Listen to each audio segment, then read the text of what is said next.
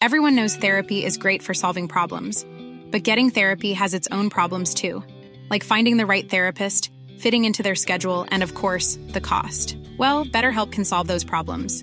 It's totally online and built around your schedule. It's surprisingly affordable too. Connect with a credentialed therapist by phone, video, or online chat, all from the comfort of your home. Visit betterhelp.com to learn more and save 10% on your first month.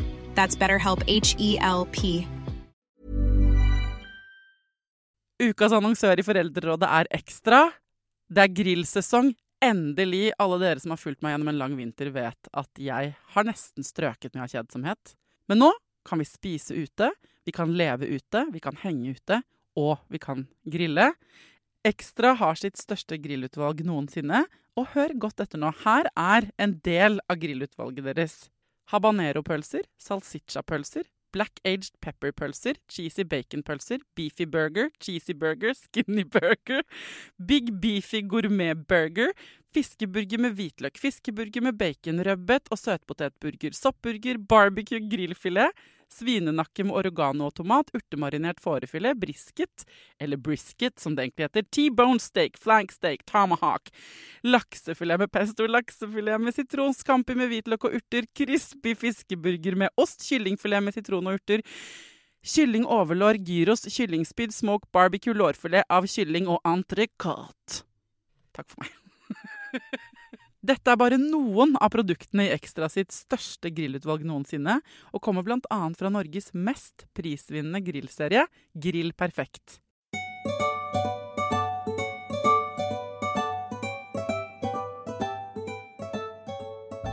Nå på fredag så lagde vi en spesialepisode i Foreldrerådet eh, med initiativtakeren Siri eh, bak gruppen Opprop for mindre skjermbruk på barneskolen.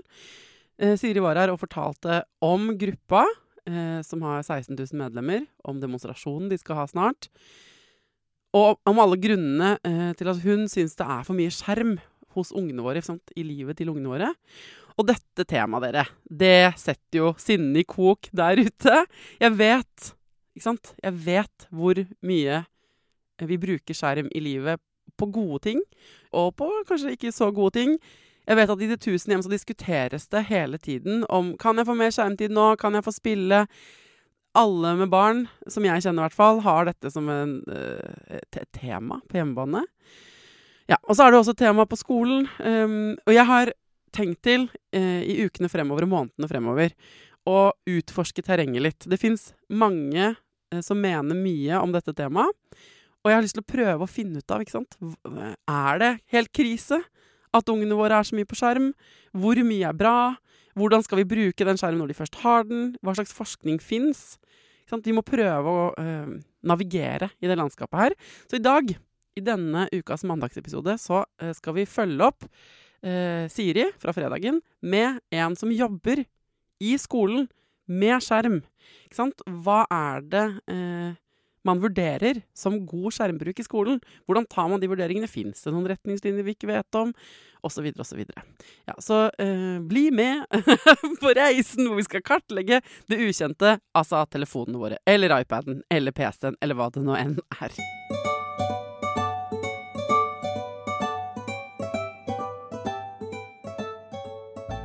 Hjertelig velkommen til Foreldrerådet, Henrik Høiberg Aure. Tusen takk. Du er eh, superhelt. Nei, eller på en måte. Du er lærer i barneskolen, og du er veileder i bruk av læringsteknologi.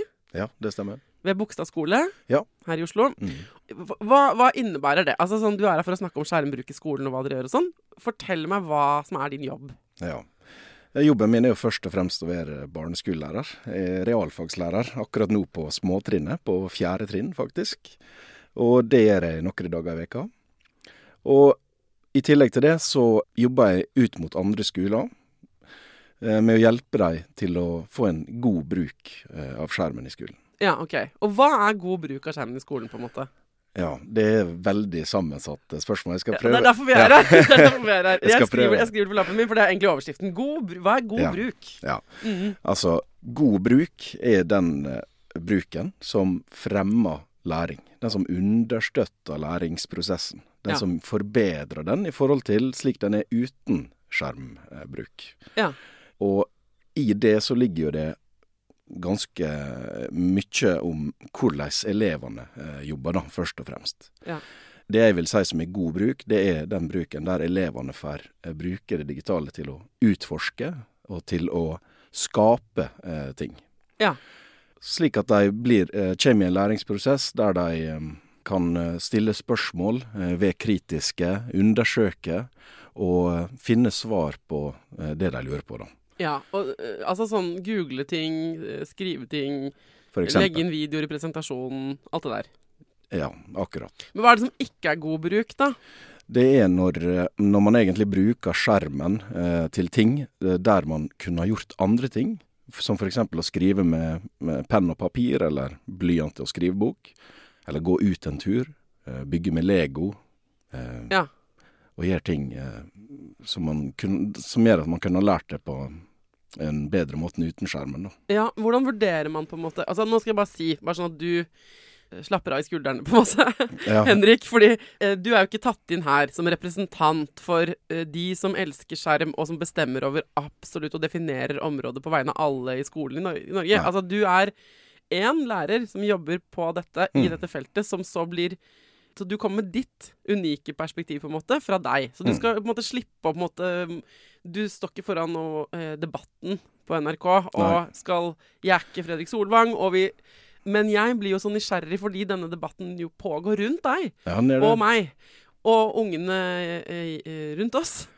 Og du står med begge bena plantet midt i det, vil jeg tro. Mm. Med foreldre og unger og alt det det Definitivt. innebærer. så derfor så vil jeg gjerne høre ikke sant? Jeg tenker det er interessant å høre fra ditt perspektiv. Mm. Nettopp både gjerne mer om hvordan du vurderer god, og hvordan dere gjør det på Bogstad der hvor du jobber, og hvordan du tenker om det. Ja. Og også hva du eventuelt ser som liksom utfordrende. Og hvor du tenker at det her burde blitt bedre, Ja. og sånn. Ja, jeg kan jo bare snakke litt om, om eh, hvordan bruken vår er, først. ja. Eh, fordi jeg har jo jobba med dette her i mange år. Og så har jeg hatt iPad. Ja, nå jobber jeg på en skole som er iPad, da. Men det spiller egentlig ikke noen rolle hva type enhet det er. Men vi har brukt eh, digitale enheter i eh, mange år. eh, Og jeg har hatt elever som har hatt både datarom, hatt eh, PC-er og hatt iPader. Eh, og siste fem åra så har jeg- har vi hatt slik at hver elev har hatt hver sin digitale enhet. Dette som heter sånn én-til-én, Ja. eller hva dette uh, Er ikke det heter? Det er akkurat det det heter. Én-til-én-dekning er et sånn her, eh, man, et buzzord man leser mange plasser. Det betyr eh, egentlig i praksis at hver elev har sin egen enhet. Ja. Det er ikke nødvendigvis slik at det er et datarom, slik som det var når eh, jeg gikk på skole. Eller ja, den, hadde den datarom. Tiken som sto bakerst i klasserommet, som man fikk lov å bruke hvis man var ferdig med skriveboka. Ja, og det er heller ikke sånn at man må liksom gå på rundgang, at det er åtte iPader til utlåns på rundgang. ikke sant? Det er sånn alle får sin duppeditt. Det stemmer. Og noen skoler har de på skolen, og noen sender de hjem med elevene. Når vi starta med dette her, så var det slik at jeg var veldig entusiastisk. Jeg skulle bruke dette her, og jeg syntes at det var så kult. Det var mange nye muligheter. Ja. Det var en ny dør som åpna seg når jeg, ble, når jeg fikk dette her, da. Ja. Eh, Både for elevene mine og meg sjøl. Og eh, jeg laga undervisningsopplegg. Jeg brukte lang tid på å lage kule opplegg. Jeg satt og laga presentasjoner og videoer og designa timer. Men, men kan jeg bare spørre deg før ja. uh, det, Jeg ser for meg at du blir helt sånn, sånn Du blir kjempeentusiastisk Ja. og elsker det og sånn. Men hva var det du syns Hvorfor var det så god nyhet for deg da? Nei, jeg, jeg tror kanskje jeg bare alltid har vært veldig interessert i teknologi. Jeg Ja. vok, vokste opp med det, og jeg syns det var gøy. Det jeg syns var gøyest når jeg var elev sjøl, var jo når vi fikk være på datarommet. Og ja. bruke internett og alt det her. Så jeg var jo ekstremt entusiastisk for det at ok, nå kan elevene gjøre litt andre ting enn det man alltid har gjort på skolen. Mm. Og jeg brukte dette her ganske ukritisk, eh, har jeg innsett nå i ettertid. ja. For det jeg endte opp med å gjøre, det var at jeg brukte masse tid på å lage kule opplegg. Men når jeg tenker tilbake på det, så var det slik at elevene gjorde egentlig ingen av de tinga som er fordelen da, med teknologien. Nei, hva da? Nei, det var sånn at jeg laga kule opplegg og satt og designa ting, men det elevene gjorde, det var at ja, de skulle sette et kryss eh, i en boks, og da var de ferdig med oppgaven, liksom. Ja. Det var jeg som satt og skapte, og laga ting, og var kreativ. Jeg elsker at du er Og sånn øh, har selvinnsikt. Dette er jo øh, imponerende, uh, syns jeg. Men det tok eh, lang tid. Ja. Og jeg hadde en, eh, virkelig en sånn aha-opplevelse for noen år siden. Da hadde jeg fått meg en fancy iPad som hadde sånn AR-teknologi. Det er litt sånn som Posten-appen, der du kan se hvor stor pakken er. Jeg vet ikke om du har brukt det? Nei, jeg har ikke brukt det. Eller Ikea har også en lignende app, Ja, der, du kan, ja, ja. der du kan leite fram møbler, så kan du se hvordan de passer inn i rommet ditt. Ja. Så legg liksom en eh, 3D-modell oppå det du filmer med kameraet ditt. Ja. AR-teknologi, kaller man det. ja, men det er det som også brukes eh, Jeg husker jeg gjorde det med min sønn her, hvor han kunne plutselig se sånn at det er levende dyr inne i stua di. Nettopp. Eller Po Pokémon Go. Pokémon Go er et perfekt eksempel på den type teknologi. Da. Ja. Og den var relativt eh, ny, eh, sånn i undervisningssammenheng. da. Og jeg var veldig begeistra for dette. her. Dette her er jo helt rått. Og jeg brukte lang tid på å liksom finne en app. Jeg husker så godt å skulle ha om, om Egypt. Eh, og da eh, gjorde jeg slik som jeg gjorde på den tida. Jeg gikk inn på AppStore og så søkte jeg etter Egypt. Ok, jeg Brukte lang tid, testa masse apper, lasta ned. Eh, og da fant jeg en app der man kunne se på en sarkofag Oi! i AR. Ja, det høres veldig kult ut. Ja, det Tenk- kult ut. Eh, og jeg lasta den ned. Jeg lasta den ned, Ja. og jeg fikk pusha den ut til alle elevene, og det var en omstendig prosess på den eh, tida. Ja, ja, ja. Alle som har prøvd å lære noen å laste ned en app som ikke skjønner det helt. Ja, Ja. det var eh, knot, men det er god læring, det også. Men vi endte opp med da at alle satt eh, Alle hadde den her sarkofag-appen. Og, eh, og jeg bare OK, sjekk dette her. Nå trykker oss her, du skanner rommet, og vips, så er det en sarkofag i 3D. Så jeg bare Er ikke det kult? Og så var det en elev som gjorde det, så sa han ja, hva skal vi gjøre nå? Ja. Det hadde ikke jeg tenkt på. What?! Dette er jo helt du, Nei, du hadde jo Ja, jeg ikke tenkt helt videre, nei. nei, altså jeg var så opphengt i at denne teknologien den skal oss på død og liv bruke. Ja. At jeg hadde ikke tenkt på hva det var elevene skulle gjøre, eller hva de skulle lære. Nei, ikke sant. Jeg skjønner at du Litt sånn Av og til når jeg hører folk snakke, tenker jeg sånn Jeg hører at du snakker, jeg skjønner ikke hvorfor. Hvis du skjønner. Ja, nettopp. At det er litt samme sånn at noe er kult. Og det er kult i ti sekunder. Og så hva? Ja, og jeg hadde jo brukt utrolig timevis på å finne den appen og få pusha den ut. Oi, de mangla oppdatering for å få den til å fungere. Og så hadde jeg ikke tenkt på hva elevene skulle gjøre. Nei. Og da fikk jeg en sånn aha-opplevelse. At jeg var på en måte tatt av eh, motivasjonens medvind. ja, godt sagt. Eh, Jeg kjenner meg veldig igjen. Dette skjer med meg hele tiden i Ja. livet. ja. Nei, Ikke sant? Ja. Og da tenkte jeg ok, det jeg holder på med nå, det er jo helt tullete. Nå må jeg sette på nødbremsen litt her, og faktisk begynne å tenke på hva det er jeg bruker dette her til. Ja. Nå har jeg en mulighet, og har rammene for å få til masse kult. Men kanskje jeg må tenke meg litt om hva det er vi bruker dette her til. Ja. For det, det jeg kunne ha gjort, da, hvis målet var at elevene skulle lære seg hvor stor en sarkofag var, Mhm. jeg kunne bygd den i papp, og lært masse andre ting på veien. ja, ja, dere kunne hatt et helt drama rundt dette sarkofaggreiene. Ja, ikke sant? Vi kunne, vi kunne lært om måling i matematikk, vi kunne ha brukt kunst og håndverk, vi kunne ha pynta den, vi kunne ha funnet hva materiale skal vi bruke for å lage Dere kunne gjort det før halloween og endt opp med en halloweenfeiring hvor folk lå nedi sarkofagen som mumier. Ikke sant? Det er så mange ting som vi kunne gjort annerledes da, Mm. i den oppgaven. Eh, Jeg ler igjen når jeg ser jeg, jeg, det, er et veldig godt eksempel. Det ble selvfølgelig veldig grunt og tynt når hele ditt sånn aha-moment dør ti sekunder inn i appen. ja, altså det var en eh, Resten av den timen, eh, det var helt forferdelig. Jeg bare, ja. Nei, jeg var svar skyldig. Jeg visste ikke hva jeg skulle svare på det Nei. veldig enkle spørsmålet. Hva skal vi gjøre nå? Nei, det hadde jeg ikke tenkt på. Men eh, OK, for det, det, bare for å hoppe litt ut Dette er et eksempel på at nettopp at du kommer i den situasjonen hvor du uh, oppdager det, Mm. og veldig raust å deg fortelle om det Jeg tenker Nettopp det er jo litt av den, det opprøret hos foreldre kanskje etterspør. Er, sånn, er det ingen retning For disse retningslinjene det kanskje burde ligget der fra før. Ikke sant? Noen sånne regler for hva som er god bruk. For hvis du hadde fått en styringsverktøy fra før, fra topp, da, på en måte Mm. Eh, Arrester meg nå hvis jeg stiller et dumt spørsmål, men, men så ville du jo eh, Da ville kanskje noen andre enn deg, som står og skal finne ut av hvordan denne teknologien kan anvendes, da ville kanskje stått med sånn Ikke last ned appen for appens egen skyld. Pass på! ikke sant? At det ville vært noen sånne litt sånn tydelige rammer. Ja. Og den prosessen eh, er det ingen sånn sentrale Nei. eh, styringer som har bestemt. eh, da. Det er veldig mye opp til eh, hver skole hvordan, eh, hvordan denne prosessen her har vært. Ikke sant?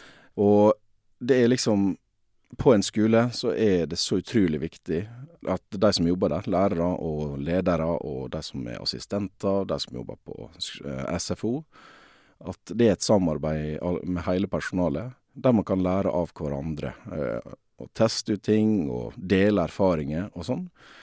Og det er det god kultur for i skolen, sånn generelt, om alle aspekter, egentlig. Eh, men det digitale eh, har kanskje ikke tatt like stor plass i den prosessen som den burde ha gjort. da. Nei. Det har jo ført til at det er mange lærere som, som får en sånn type enhet, og ut til elevene sine, uten å egentlig ha noe ramme rundt seg da, for at det skal bli god bruk. Så man må på Veldig mange må bare teste og prøve litt sjøl. Mm. Og så er det opp til lærerne, egentlig, nå. Ja, og, og da det. tenker jeg sånn eh, Nå hadde jo du denne åpenbaringen Mm. med denne sarkofag-appen din. Ja. Og takk og lov for det. Fordi da har du jo nettopp blitt bevisst men, men det at det hviler på dine skuldre Jeg tenker det er Jeg vet det er mange lærere som hører på denne podkasten også. Mm. Og, og så er ham Dere er jo utrolig travle, og mye dere skal holde på med, ikke sant? Og jeg syns det er litt for mye vekt å legge på læreres skuldre at alle lærere må finne ut av å definere dette for seg sjøl. Nå er jo du her og skal sikkert gi oss noen gode råd også til dine kollegaer der ute. Men øh, dette tenker jeg vel kanskje at det hadde vært ryddig om man hadde fått hjelp til. Jeg er helt enig. Ja. uh, og det er jo litt det som er mitt mandat i den andre delen av jobben min, når jeg Ja. ikke er lærer. Da er jeg jo på en måte veileder eh, i læringsteknologi. da. Kan du ikke gi oss noen veiled... Se for deg nå at det sitter et klasserom med tusenvis av eh, lærevillige, både foreldre og lærere. Som eh, du har, skal eh, da ha noen, noen ganger dyrekjøpte råd, eh, som du fra din egen erfaring. På hvilken måte er det lurt å bruke eh, teknologi i skolen? Det som er lurt, det er å tenke på hva er det du vil at elevene skal gjøre, og hvordan eh, de skal gjøre det, og hva som er målet at de skal sitte igjen med av kunnskap. Hvis du starter på den enden, så er det ganske eh, greit med litt øving, og kunne tenke på hvilke verktøy som passer til det. Gi oss et eksempel. Er målet, eller det målet som du vil at elevene skal nå, eller eh, den kunnskapen de skal lære, at de skal forme en bokstav. Mm. Og så har du en del måter du kan gjøre det på. Ja, du kan velge en finger og skrive på skjermen, sånn som man ser f.eks. på de Facebook, eh, den Facebook-gruppa at skjer. Eller skal man bruke blyanten? Og da tenker jeg at ja, hvis målet er at de skal lære seg å forme bokstaver og bli gode til å skrive for hand, ja, da er det lurt å bruke en blyant i stedet for en finger på en pad. Ja. På samme måte som man kunne også laget bokstaver i leire, men du lærer ikke å skrive av å Eller i heimkunnskap, eller hva det heter. eh, du, hvis du snekrer en T, så lærer du ikke å Du lærer å snekre en T, du lærer ikke å skrive en T. Ikke sant? Og Eller bake en T, da. eh, Ja. Hvis, hvis Ja, mat du- og helse, liksom. ja, hvis målet er at du skal lære hvordan den bokstaven ser ut, så er Ja. kanskje det en måte å gjøre på. Ikke sant? Eller at du skal lære å forme noe med, med forskjellige trestykke, eller Eller ba bake hvetebakst. Ja, ikke sant. Da er det kanskje en helt flott måte det- er det på. Men Mm. hvis målet er at man skal lære seg å skrive for hand, ja, da er det lurt å bruke et verktøy som passer til det. Ja. Det, det er jo på en måte banalt, det du sier nå, men det er jo også helt sykt viktig. Ja. For hvis man ikke har øynene på liksom hva målet ditt er, så kan man gå på en måte helt feil. Det er jeg helt enig i. Det er jo eh, så opplagt eh, i andre deler av livet vårt. Altså, skal du skru inn en skru, så bruker ikke du en kniv til det. Du bruker et skrujern. Ja, jeg bruker av og til kniv, faktisk. Det er, du vet sånn når du ikke finner skrujernet. Jo, det var et litt dårlig eksempel, kanskje. Jeg vet ikke kanskje. hvor mange sånne lekegreier jeg har måttet skru opp med en kniv eller en hårnål eller noe sånt. Ja, jeg, Men jeg skjønner hva du faktisk. mener. jeg har gjort det sjøl, faktisk. Og på samme måten som jeg har brukt feil verktøy i lærerhverdagen. Altså, det funka jo på en viss Men det, det er litt ineffektivt, Ja, det, det stemmer. det stemmer. Men det er litt sånn herre um, hvis, uh, hvis målet ditt for dagen er at alle skal få seg frisk luft. Mm. så kan man si ikke sant? Hei, vi går ut, og så går vi en eh, Så går vi en liten tur. Mm. Da er, uansett hvor dere går, og hvor ungene dine går når de går ut eh, ja, Og så er, kan veldig mange ting være en tur, så målet er nådd. Mm. Men hvis målet ditt med å si 'la oss gå en tur', er at dere skal til et spesielt sted, og du ikke sier det, men sier 'la oss gå ut og gå en tur', så går folk helt forskjellige steder. Ja. Så det der å tro at folk Dette her gjelder Dette er liksom eh, hva er et godt mål 101 i lederskap og i, på jobb og alt. Veldig mange ledere, eller foreldre, da, eller lærere, men også i næringslivet, sier 'vi skal ut, og vi skal på topptur'. Vi skal Mm. til denne toppen. Eh, ikke sant? Og så peker de i horisonten på et eller annet mål. Eh, omsetningsmål, eller utdanningsmål, eller eh, oppdragelsesmål, eller hva den er. Og så eh, går man av gårde, og så har man ikke definert godt nok hvilken topp man skal til. Så alle føler at de går på topptur, men de ender opp på hver sin fjelltopp. Ikke sant? Ja. Så det der å definere akkurat hvor man skal, og hvordan vi tenker å komme dit, det er på en måte lederansvar. Det er, det er enkelt og vanskelig, hvis du skjønner. Mm. OK, men bra. Så først, hva er det vi skal lære? Det er veldig, veldig viktig å, å tenke over, da. Mm. Og så i hvert fall den måten jeg eh, planlegger undervisning på. da. Ja, La oss ta det eksempelet som hadde i stad, med at man skulle lære om Egypt. Eh, Så Man skulle lære litt om eh, begravelsesritualet, f.eks. Mm. Så ville jeg tenkt OK, elevene skal sitte igjen med dette her, og så ville jeg tenkt OK, hva er prosessen fram mot det? Og da er et viktig aspekt av det å tenke OK, hvordan er det teknologien kan bidra til eh, den prosessen? Er den i veien for læringa? Altså, blir det bare å Altså, hvis jeg bare hadde tatt bilde av ei lærebok og sendt ut til elevene, lærer de egentlig noe mer av det enn hvis de bare hadde lest i boka? Mm. Svaret på det er nei, tenker jeg. Ja. Altså, men kanskje hvis jeg finner en tekst på nettet der det er lesestøtte, så vil det være til eh, god hjelp for noe som trenger det. Mm. Kan de utforske på internett, lage presentasjoner, kanskje de kan ha et rollespill som de filmer og redigerer, for å vise hvordan dette her kanskje var. Ja, da vil den bidra til, eh, til noe mer enn det, det jeg kunne gjort uten teknologien. Mm. Og det er den prosessen jeg eh, går gjennom da når jeg planlegger eh, undervisninga mi. Hva er det teknologien kan gjøre for å understøtte læringa? Mm. Og det er litt sånn herre um, Vi lagde jo innmari mye veggaviser da jeg gikk på ungdomsskolen og barneskolen. Det var på en måte det foretrukne mediet. Alle gruppearbeid endte opp i sånn veggavis. Mm. Som jo er et format man aldri ellers bruker i livet. Jeg har ingen veggavis hjemme. Har du?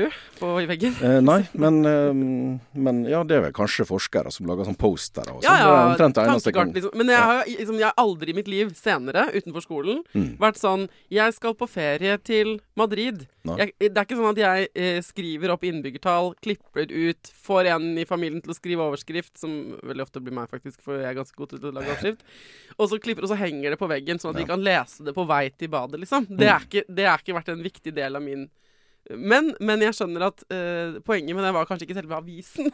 da har de tenkt sånn De skal lære noe om Madrid, eller om byer i Europa. Eh, de skal samarbeide, det er sikkert læringsmålene. De skal om, eh, trekke ut viktigste kunnskapen i forhold til det de skal mener er relevant om Madrid. Det er en vurderingsoppgave. Da vurderer man å øve på det. Det er bra. De skal eh, formulere tekst. Mm. Hånd, håndskrevet tekst. Eh, den skal skrives sånn at den kan leses av andre. Eh? Det, så det er, og så det litt kunst og håndverk inni der òg. Fordi Ja. du må klippe og lime og gjøre det fint. Ikke sant? Så da har du jo liksom eh, Da ser jeg for meg at målene bak dette har vært alt det. Og det ja, Det dere har fått på en måte i skolen nå, er jo teknologien bare legger til en annen sånn hvis, La oss si man har laget 400 veggaviser, da, Ja. og at man er veldig god på det, ikke sant? Da er jo kanskje en annen vei til det målet, hvor det er de samme Du skal lære noe om Madrid, trekke ut kunnskap, omsette det, ikke sant? vurdere, presentere tekst. Men akkurat skrive- og tegnebiten, den, er, den har vi gjort masse Mm. dette skoleåret. Ja. Det de ikke har gjort så mye, er å gjøre dette digitalt. Og det får de mer bruk for.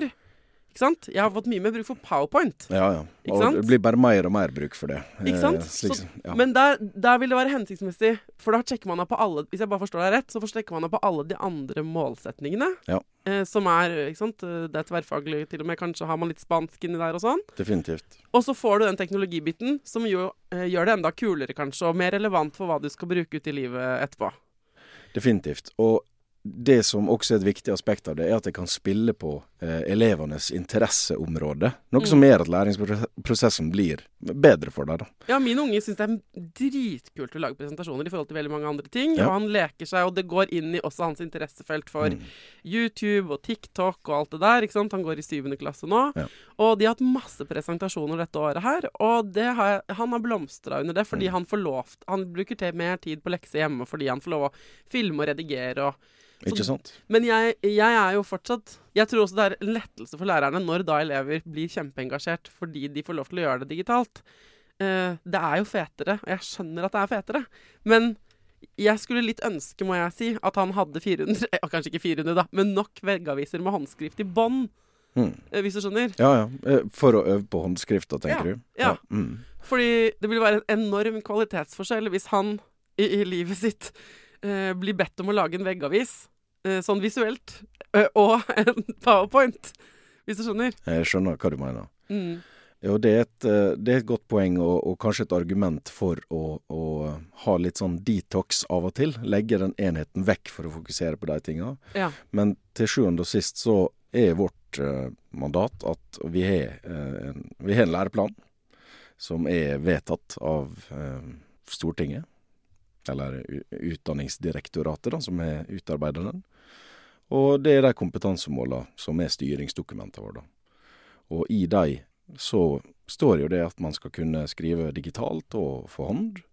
Og det står jo faktisk at man skal øve på begge deler. Mm. Så jeg tenker at den balansen mellom det analoge, den veggavisa, ja. og det digitale, den presentasjonen eller videoen, er veldig, veldig viktig. da. Ja.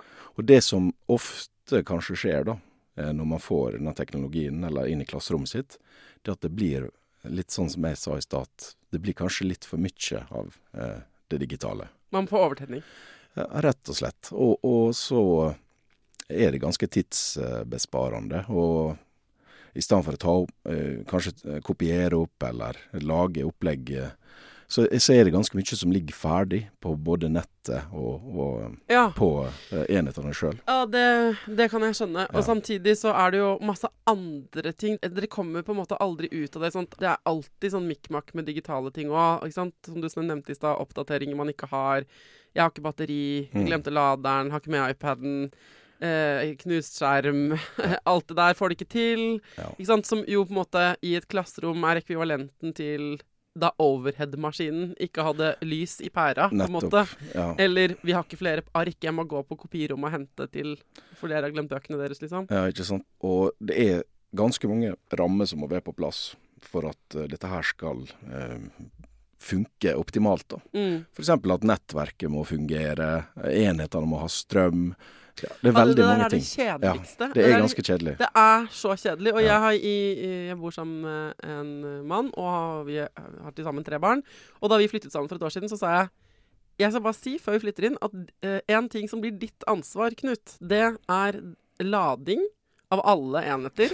Nettverk ja. og alt det der. Han bare Det er greit. Så det er så deilig. For jeg har outsourcet det etter å ha bodd alene og måttet ordne alt selv kjempemange år det er nå ikke lenger mitt ansvar. Så det er sånn Hva er passordet? Nettet funker ikke. Så er sånn Knut!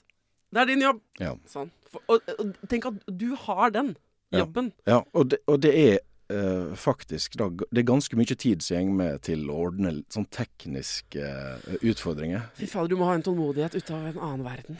Ja, og, og, det er litt sånn når du sitter og planlegger noe, og så kommer du til klasserommet, så er det et eller annet som ikke fungerer, og så må mm. du bruke masse tid på det. Det går på en måte litt utover pedagogikken, da. Det ja, det gjør det. Det går utover det elevene skal lære.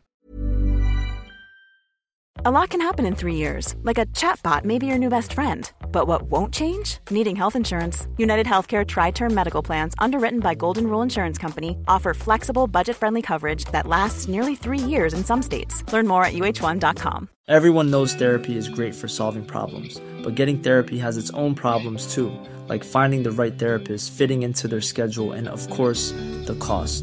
Well, BetterHelp can solve those problems. It's totally online and built around your schedule. It's surprisingly affordable too. Connect with a credentialed therapist by phone, video, or online chat, all from the comfort of your home. Visit betterhelp.com to learn more and save 10% on your first month. That's BetterHelp, H E L P. Ukas annonsør i Foreldrerådet er Nextory. Det er en lydbok- og e-bok-app. Altså, du kan både høre på bøker og lese dem på telefonen din eller nettbrettet ditt. Og akkurat nå så får du 45 dager gratis både til deg som kanskje har prøvd Nextory før, men også til deg som er helt ny. Jeg digger at også de som har prøvd det før, får lov til å prøve igjen. For å få 45 dager gratis, gå inn på nextstory.no – foreldrer. Nextory har tusenvis på tusenvis av bøker du kan lytte til eller lese. Og i dag har jeg tenkt å anbefale eh, noen bøker som eh, faller innenfor det som kanskje kalles selvhjelpsbøker. Men den kategorien har jo litt ufortjent dårlig rykte, spør du meg. Den første boka jeg vil anbefale, er boka som heter 'Psykolog med sovepose'. Johanne Refseth, som har skrevet den boka, var jo gjest her for noen uker siden. Den er absolutt verdt å lese, eller lytte til. Andre anbefalingen jeg vil gi deg, er Sissel Grans bok 'Men størst av alt er begjæret', som handler om det å begjære noen andre enn den du er sammen med. Og jeg har også laget en episode med Sissel Gran om det temaet for et par år siden. Den boka er fantastisk. Hvis du har lyst til å prøve ut Next Story for første gang, eller eh, har prøvd ut før, men vi prøver det ut igjen, helt gratis i 45 dager, gå inn på nextstory.no foreldrer. Men fra ditt perspektiv, der hvor du står nå, og nå, vel vitende om at du ikke er en representant for alle lærere og alt sånn Hvis du ser for deg en sånn akse hvor vi på den ene siden ikke sant, uh, har den optimale læringen via digitale verktøy og ikke sant Folk har gått uh, gjennom sarkofagfasen, på en måte, og man bruker det helt riktig, da. Ikke sant? Optimalt, sånn ja. som vi ønsker oss. Og på den andre siden av aksen så har du liksom det som kanskje vi foreldre kan være redde, redde for. da, At det er ubevisst. At ungene våre sitter for mye på YouTube, at de blir introdusert for ting vi ikke vil at de skal se. Ja. Ikke sant? I verste fall eh, porno på skjermene da, i barneskolen, liksom. Mm. Hvis det er en akse, der hvor du står nå, hvor er det vi er? Hvor ja. er vi, liksom? Eh, det er nok ikke én plass på den aksen, men det er veldig stor variasjon i ja. Og eh, det ser man når man ser eksempel eh, som foresatte har reagert på.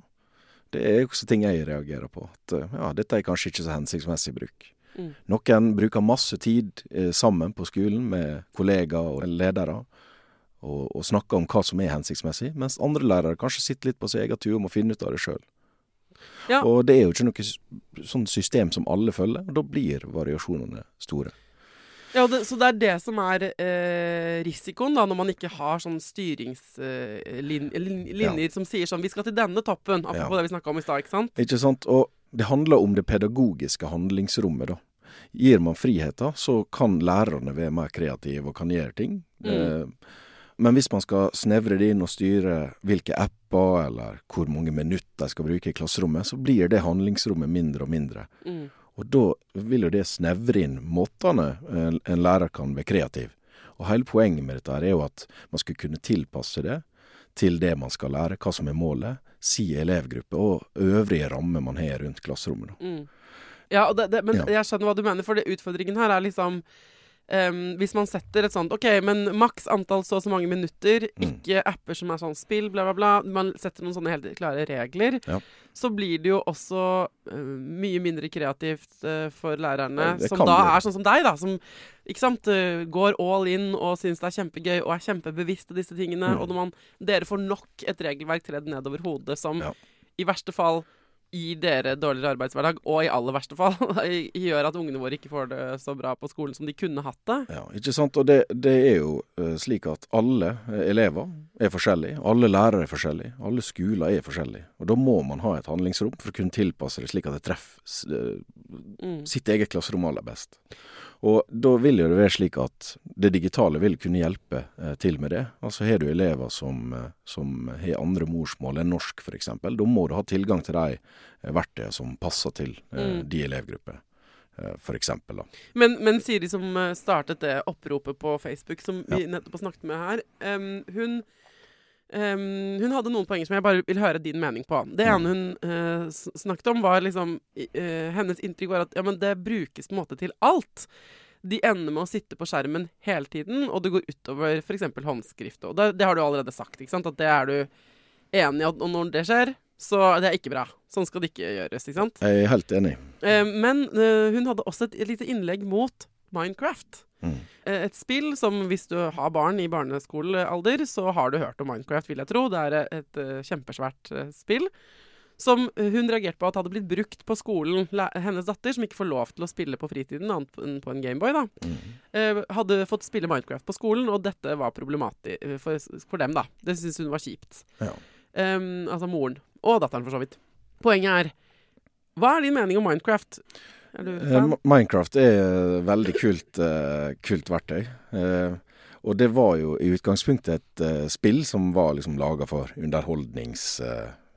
ja, fordi at det er et spill som man kunne utforske og bygge ting og sånn. Og så har de laga en egen versjon. Nå er det Microsoft da, som, som drifter det. De laga sin egen versjon som heter Minecraft Education. Som er en versjon av det spillet som man bruker i skolesammenheng. Og hvis man bare slipper elevene løs der uten å ha noen tanke om hva det er de skal lære, da tenker jeg at det er veldig uheldig. Ja. Eh, det er et ganske åpent uh, verktøy der, der, man kan gjøre veldig mange forskjellige ting. Hvis du aldri har sett Minecraft før, så er det de som er sånn alle, Alt er firkanta. Det er ingenting som er rundt, liksom. Ja. Uh, og man løper rundt, og så kan man hente ut ressurser. Uh, hakke ned i stein og få ut murstein. Og med det så kan man bygge. Man henter ressurser fra forskjellige steder. Og så, og så er, kan man ofte spørre seg, hvis man er helt ny, tenker sånn, hva er poenget? For mm. det er ikke noe sånn mål. Du kan ha det, ja, men du kan også bare løpe rundt i en virtuell verden og, det og få deg dyr og, og holde på. ja. ja. Og dette her er jo Det er jo det samme Altså hvis vi drar sammenligninga til ei til ei skrivebok, da. Skrivebok i seg sjøl er ikke et, uh, nødvendigvis et uh, verktøy som du kan uh, som elevene kan lære masse av. Men uh, si i matematikk da at du bruker skrivebok. Hvis du ikke gir elevene instruks om hva de skal bruke skriveboka til, så sitter de og tegner og lager papirfly og gjør alt mulig ja. som ikke fremmer læringa. Og På samme måte vil det være i Minecraft. da. Hvis du som lærer eh, velger det verktøyet, at OK, nå skal vi lære om tredimensjonale figurer, egenskapene deres, og kanskje visualisere hvor store, eller hvordan volumet inn i en tredimensjonal figur er, og har gode rammer for det, så er det et godt eh, verktøy. ikke sant? Du kan bygge, og du kan se på figurene og sånn. Du kan tenke hva materiale, du kan pynte den.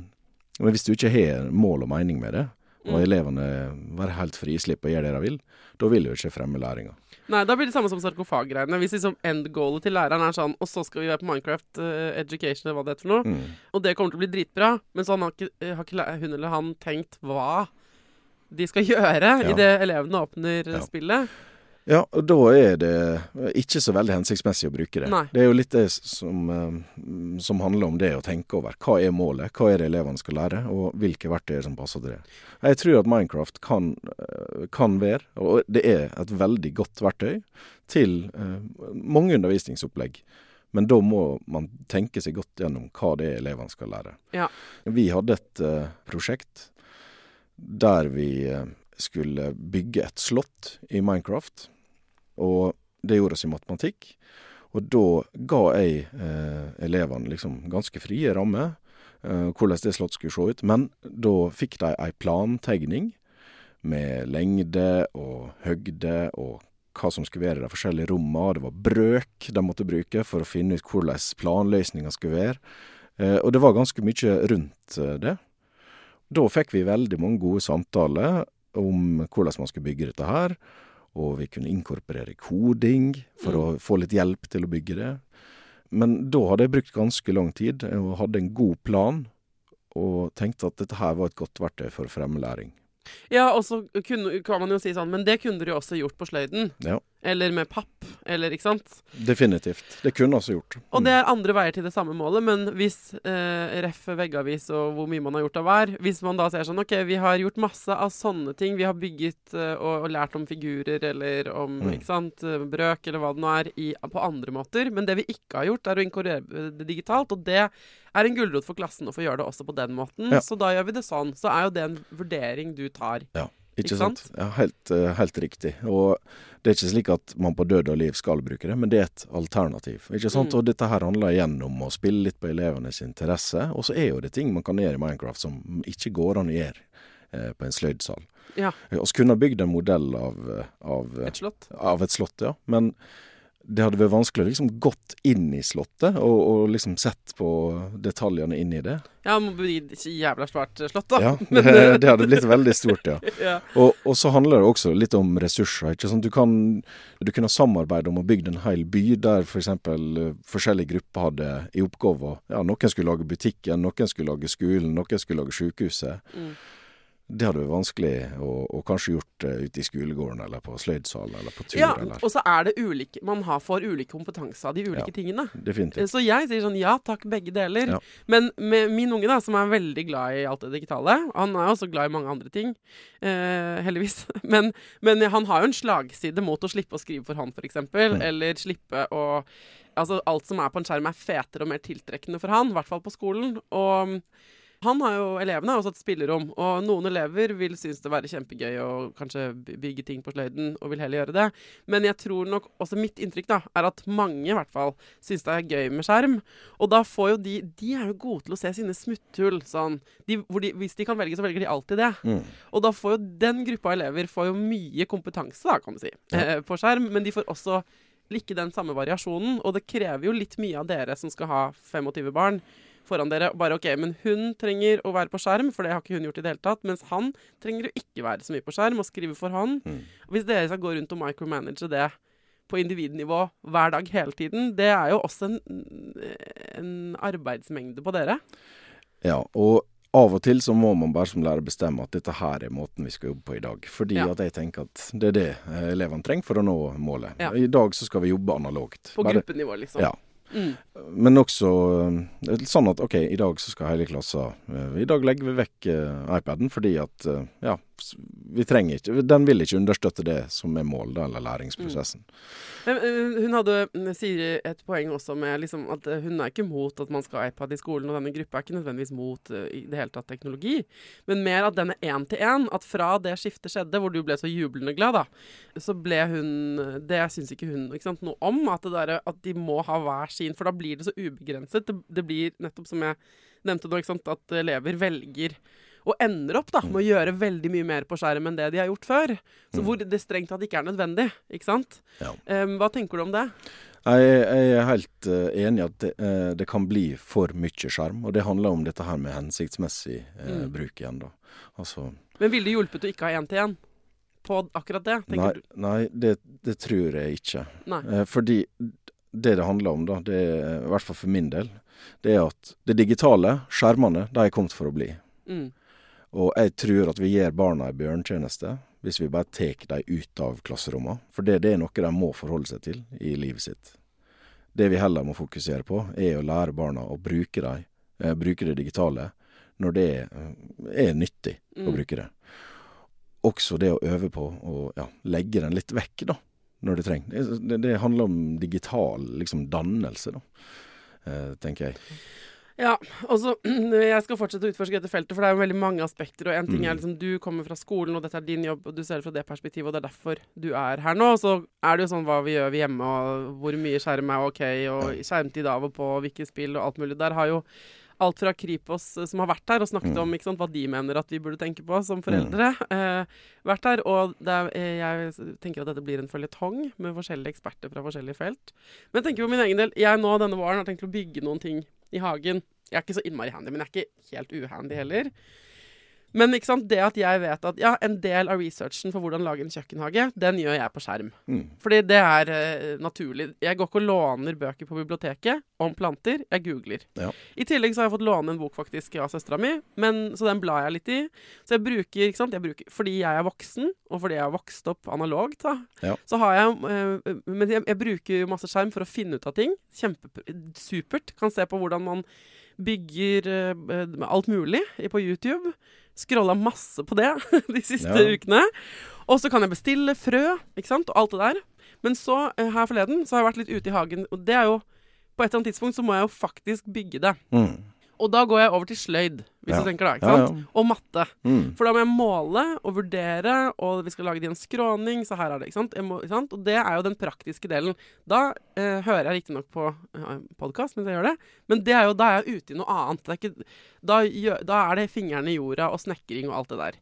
Og det er liksom, for å bruke meg sjæl som et eksempel, dette er jo et bilde på Altså så må de, Det blir jo ikke noen grønnsaker i den hagen hvis jeg bare sitter på den, med en app. Jeg må jo så de frøene, det må bli stiklinger, de må ned i jorda, jeg må ordne gjødsel. Men for å lage gjødsel, så er jeg tilbake til skjerm. Mm. For det, det kan jeg ikke, så det må jeg google. Ja. Skal jeg ha sånn bokashi-fabrikk, jordfabrikk på kjøkkenet, eller skal jeg Hva, hva gjør man, liksom? Dum og dummere lage hage hjemme hos oss. Så det er en slags sånn dialog i livet mitt når jeg skal lære noe nytt, mellom digitale ting og analoge ting ute i verden. Og er det dette dere ønsker? Ikke sant? Ja, er svar på det. Ja, det har jeg skjønt det. Ja. Ja. det å ha kunnskap om når dette her kan hjelpe deg i livet, Mm. og når det kan være i veien. Ikke sant, sånn som du sier, hvis du skulle ha laga den uh, planta ute i hagen din og kun sittet på skjermen, det hadde jo ikke blitt noen hage. Nei, nei men jeg jeg kan kjenne at jeg blir sånn Å, det finnes vanningssystemer med apper og prøver. Ja, ja. Det, sånn, det hjelper jo ikke en dritt hvis jeg ikke har spirer i den hagen. Nei. Sånn at på et eller annet tidspunkt Og det samme når jeg under pandemien ville lære meg å lage surdeig, som hele resten av Norge, liksom. Så kan jeg sitte på de forumene igjen og igjen og igjen, og jeg bare får det faen ikke til. Ja. Og den derre surdeigen bare Det blir bare flate, kjipe brød, liksom. Og så var det en på skjermen min som skrev Hei, folkens. Som i denne gruppa nøler seg helt bort på alt mulig. Han var sånn kul fyr. Han sa sånn Jeg må bare melde at dette er måten man har bakt brød på, liksom lengst. Mm. Det vil si eh, folk uten vekt, uten en hel arbeidsdag til å strekke og folde og alt det der drittet man må gjøre, har klart å gjøre dette. Så Ja. hvis du blir demotivert på et eller annet tidspunkt og ikke får det til, legg vekk denne Facebook-gruppa. Sleng noe surdeig med noe mel og noe vann. Bland det sammen, la det stå på benken, stek det og se hva som skjer. Og vet du hva? Det løste hele Ikke surdeigsproblematikken for meg. Fordi jeg hadde glemt. Jeg hadde vært for mye digital Ja. og for lite med henda i deigen, bokstavelig talt. Ja, ja. Så nå kan jeg lage surdeig.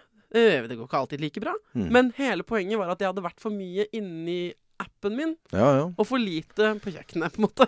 Ja, og det er jo dette her man kanskje ser i skolen da, som uh, foresatt. At Ja. uh, man blir litt bekymra for det elevene er for mye på skjermen, og Mm. at man tenker at ja, de må få litt uh, fingrene ned i det, ja. Ja. Og vårt mandat er jo at vi skal trene opp elevene til å ha digitale ferdigheter. Det betyr ikke at man skal bruke det til absolutt alt. Man skal bruke det når det er Hensiktsmessig. Ja, og det vil jo variere. Ja. Ulike mennesker vil ha ulike uh, syn på det. Ja. Mm, Også- hva er det du ønsker deg, da? Hvis du kunne ønske deg hva du ville, hva uh, hadde du ønsket kom på plass? Tid og ressurser til å samarbeide med kollegaene sine for å, å, å lande på hva som passer best på egen skole. Mm.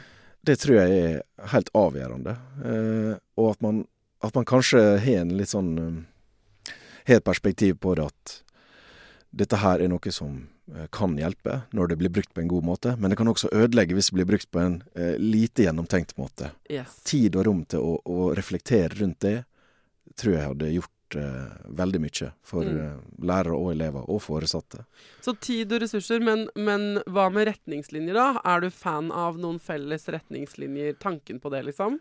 Eh, ja, altså Det som hadde vært det aller beste, det var hvis alt det tekniske og eh, liksom på systemnivå, hvis det eh, ikke liksom tok opp masse tid i lærerhverdagen, og at alt fokuset kunne være på elevene, læringa og den prosessen, det hadde hjulpet veldig, veldig mye. Ja. Hva med sånne retningslinjer på rammeverk på hva dere kan bruke og ikke bruke, da? Jo, det hadde også vært eh, veldig fint, eh, eh, f.eks. når det gjelder personvern. At det var noen klare, tydelige linjer om Mm. hvilke apper som er lurt å bruke, og hva som er man ikke burde bruke i skolen. Det finnes jo ikke på et nasjonalt nivå. Nei, men det fins jo ikke for Stortinget engang. De har jo akkurat banna TikTok. Altså, vi er jo litt sånn grønne på det her. Og jeg fikk det jo, som jeg har sagt på podkasten nå flere ganger, så lytterne er sikkert lei av det. Men du har jo ikke hørt det, Henrik. Men jeg sa det til min, eh, mitt barn her, at der hvor vi som er født på 80-tallet, der røyka jo foreldrene våre inne. Ja. Og jeg, det har vi liksom håna dem for nå. ikke sant? Herregud, dere røyka inne da jeg var barn. Jeg lurer på om dette er vår tids røyking inne. At han om 30 år sier sånn Du lot meg sitte liksom to-tre timer på ettermiddagen og scrolle Var du helt idiot, eller, mamma? Han sier jo selvfølgelig 'Mamma, jeg kommer aldri til å være sur for deg for det, og jeg vil bare ha mer skjermtid' og sånn. Men jeg lurer på det, fordi vi vet ikke. Vi vet ikke, ikke sant? Så vi, vi prøver også å navigere i Mm. noe hvor vi ikke vi, Det er ikke to streker under svaret, og det kommer an på tusen ting, og vi vet ikke helt. Så det er ikke så lett. Det er ikke rart det er litt uh, vanskelig for oss. Nei, jeg er helt, eh, helt enig. Det er liksom, og, og det som er med teknologien, det er at den, utfor, eh, den forandrer seg så utrolig raskt også. Mm. Bare siden jeg har starta med, med læringsteknologi i mine egne klasserom, så, så er det blitt veldig Det kommer jo en ny, nytt verktøy eller en eh, ny måte å gjøre noe på nesten daglig. Ja, det er der sarkofag-AR-greiene er jo ikke imponerende nå, ikke sant? Nei, det nå er det gammeldags. Nå er det chatbots ja, som Ja, ja. er det store, nye, som eh, man bruker masse tid på um, for å finne ut hvordan man skal bruke på en hensiktsmessig Mm. måte. Da.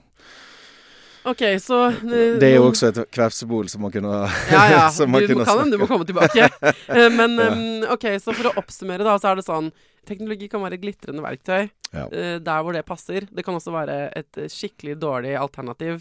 Og potensielt farlig, for, så vidt, eh, hvis det ikke brukes riktig. Akkurat som med skarpe kniver. Ja. Og derfor så trenger vi noen retningslinjer. Aller helst ønsker du deg at noen som er klokere, men med alle din tiden og andre ressursene, som ikke har masse elever samtidig, setter seg ned, samler de klokeste hjernene, blir enige om en plattform med noen tydelige retningslinjer og gode rammer for dere, alle, så du kan føle deg trygg og slipper å finne opp kruttet sjæl. Men med optimalt sett spillerom, hvor du kan få være kreativ og, Og- bruke deg sjøl. Ja, og der er jo utfordringa, da. Eh, den balansen mellom å få det veldig styrt og det å ha et åpent spillerom.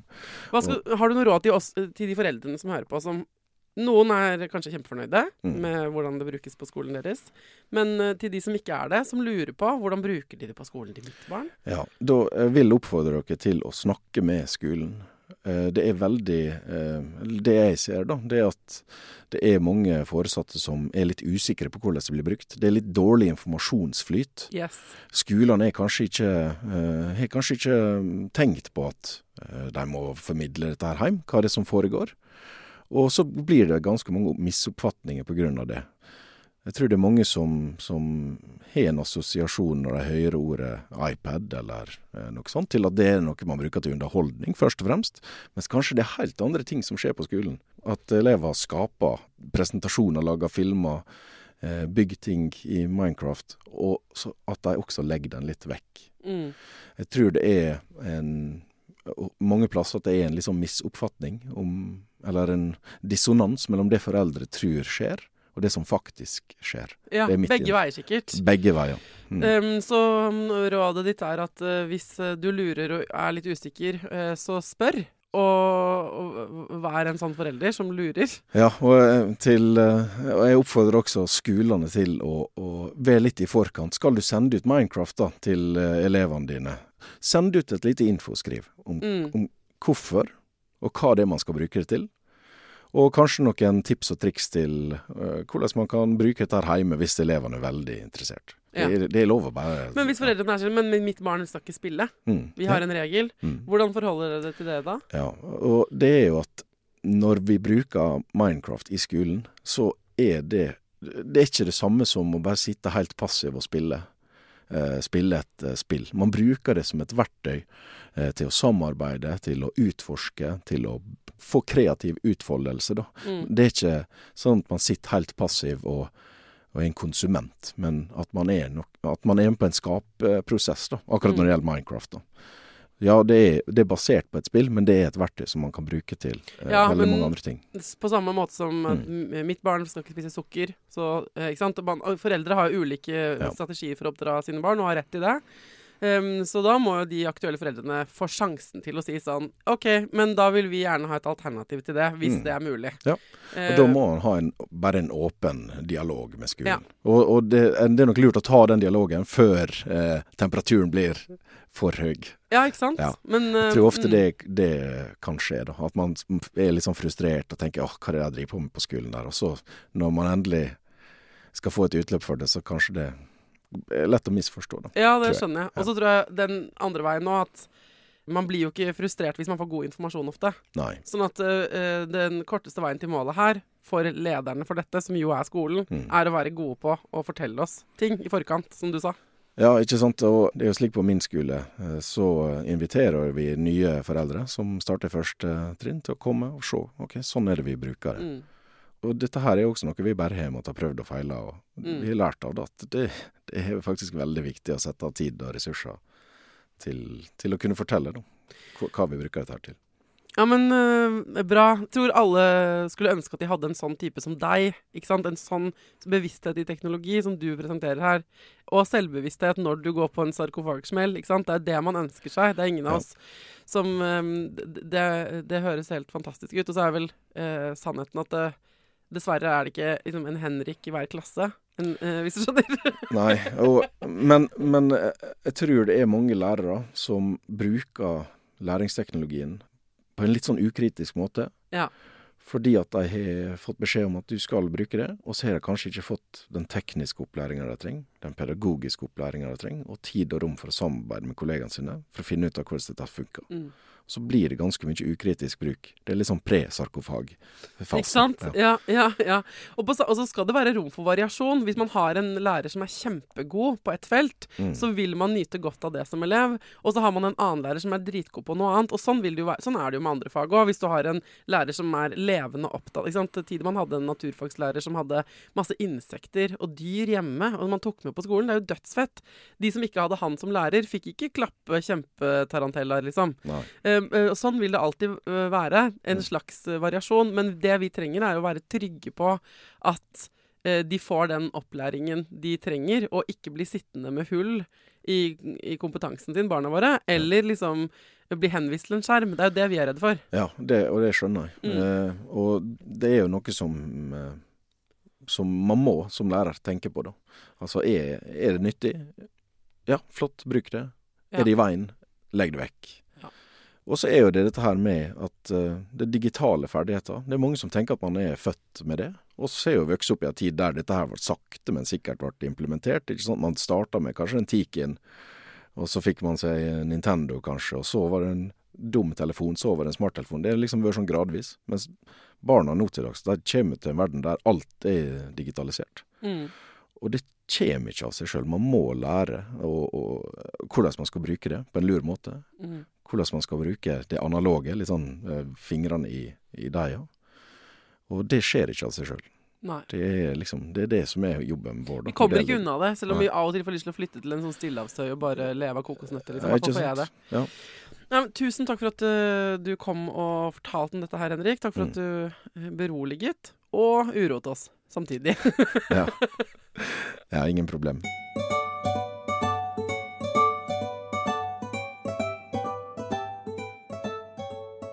Hvis du har innspill til dette, hvis du sitter og mener noe veldig glassklart og tydelig om skjerm, hvis du har vært på et foredrag eller lest forskning eller hørt en fagperson uttale seg om eh, noe med skjermtid og unger eh, som du tenker at jeg burde sette fokus på eh, Sitter du kanskje selv med masse kunnskap om noe og mener at du burde være gjest her?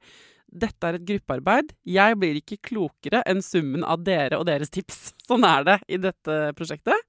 Så da må du sende meg en melding på Instagram, på Foreldrerådet-kontoen der. Og hvis du har gjort det, hvis du har sendt meg kanskje to meldinger på Instagram og ikke fått svar, så er det fordi min arbeidsmodell på Instagram er basert på mas.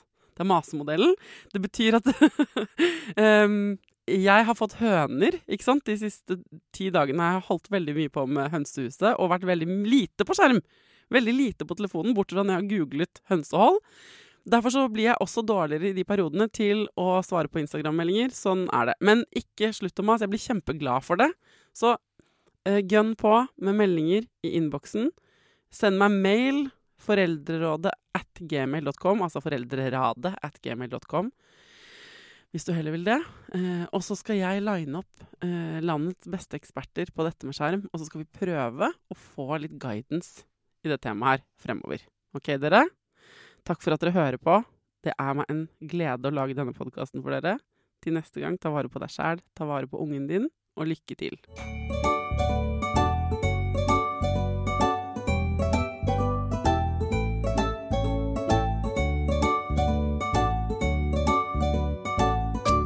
Produsert av Klinge.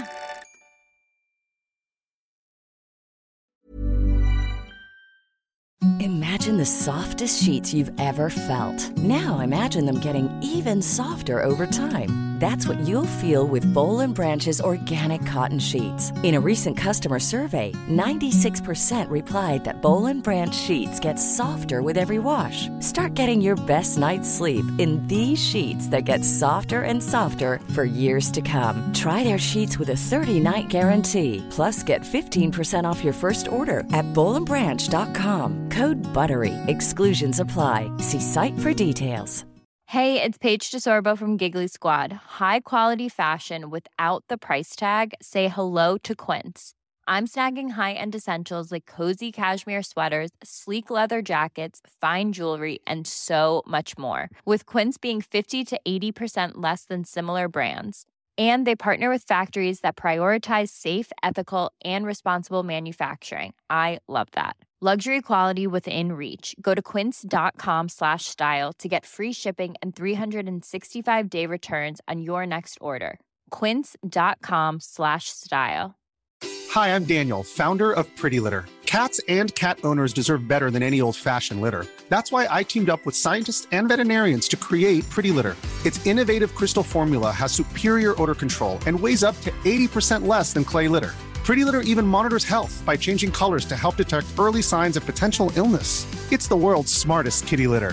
Go to prettylitter.com and use code ACAST for 20% off your first order and a free cat toy. Terms and conditions apply. See site for details.